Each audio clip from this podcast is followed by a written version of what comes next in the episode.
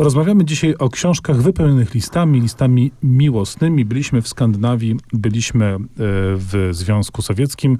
Teraz kolejna miłość dwóch, no, konkretnych postaci piśmiennictwa XX wieku, Ingeborg Bachmann i Paul Celan. Która zaczyna się e, w Wiedniu, e, natomiast to rzeczywiście giganty literatury mm, europejskiej dwudziestowiecznej, ale pamiętajmy o tym, że o zupełnie innych e, backgroundach. Jak oni poznali się w 1948 roku w Wiedniu właśnie, no to Celan ma za sobą traumę II wojny e, światowej, której stracił właściwie całą e, rodzinę, którą to Ingeborg Bachmann przeżyła w stosunkowym spokoju, będąc córką jednego ze sprawców całego zamieszania.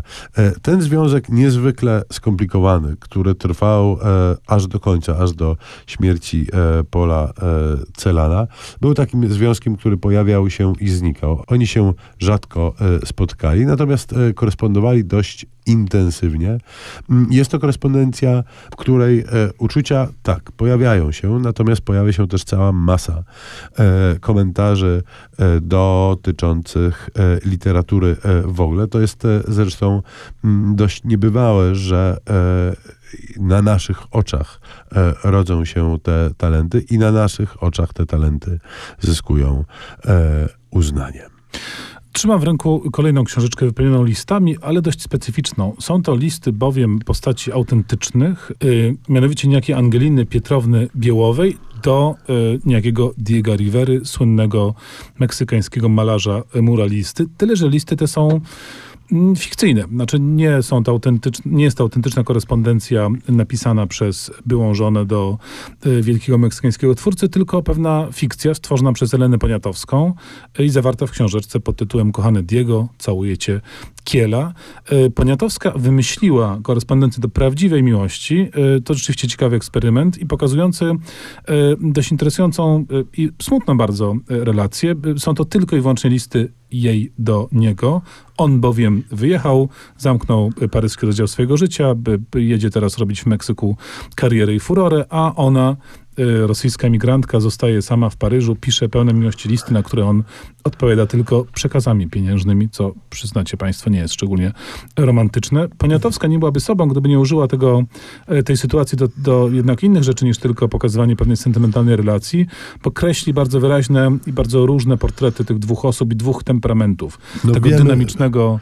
Wiemy nie od dziś, że ten rzutki knypek, jakim był Diego Rivera, rzeczywiście nie za dobrze traktował kobiety, które się w jego życiu Nie za dobrze to eufemizm. Rzeczywiście wydaje się być, chociaż ewidentnie miał w sobie coś, co, y, co, co jej przyciągały. I mamy tu zderzenie temperamentu bardzo ekspansywnego z cichym, spokojnym uczuciem y, y, Rosjanki. Ciekawa rzecz. Rzeczywiście smutnowa, ale jednak jakoś tam może i pokrętnie krzepiąca. I na koniec krzepiąca, bo ja wiem, na pewno zabawna e, książka pod tytułem Agnieszki Osieckiej i Jeremiego Przybory. Listy na wyczerpanym papierze. No tak, po Osiecki, po Przeborze spodziewamy się, że tam będzie iskrzyło także humorem. Ta książka zbiera listy, które są owocem e, zakochania i uczucia, które połączyło tą e, dwójkę. Wiemy dokładnie, kiedy to wszystko się zaczęło, bo 1 lutego 64 roku trwało... Godzina też jest podana? Nie, godzinę no. nie znamy.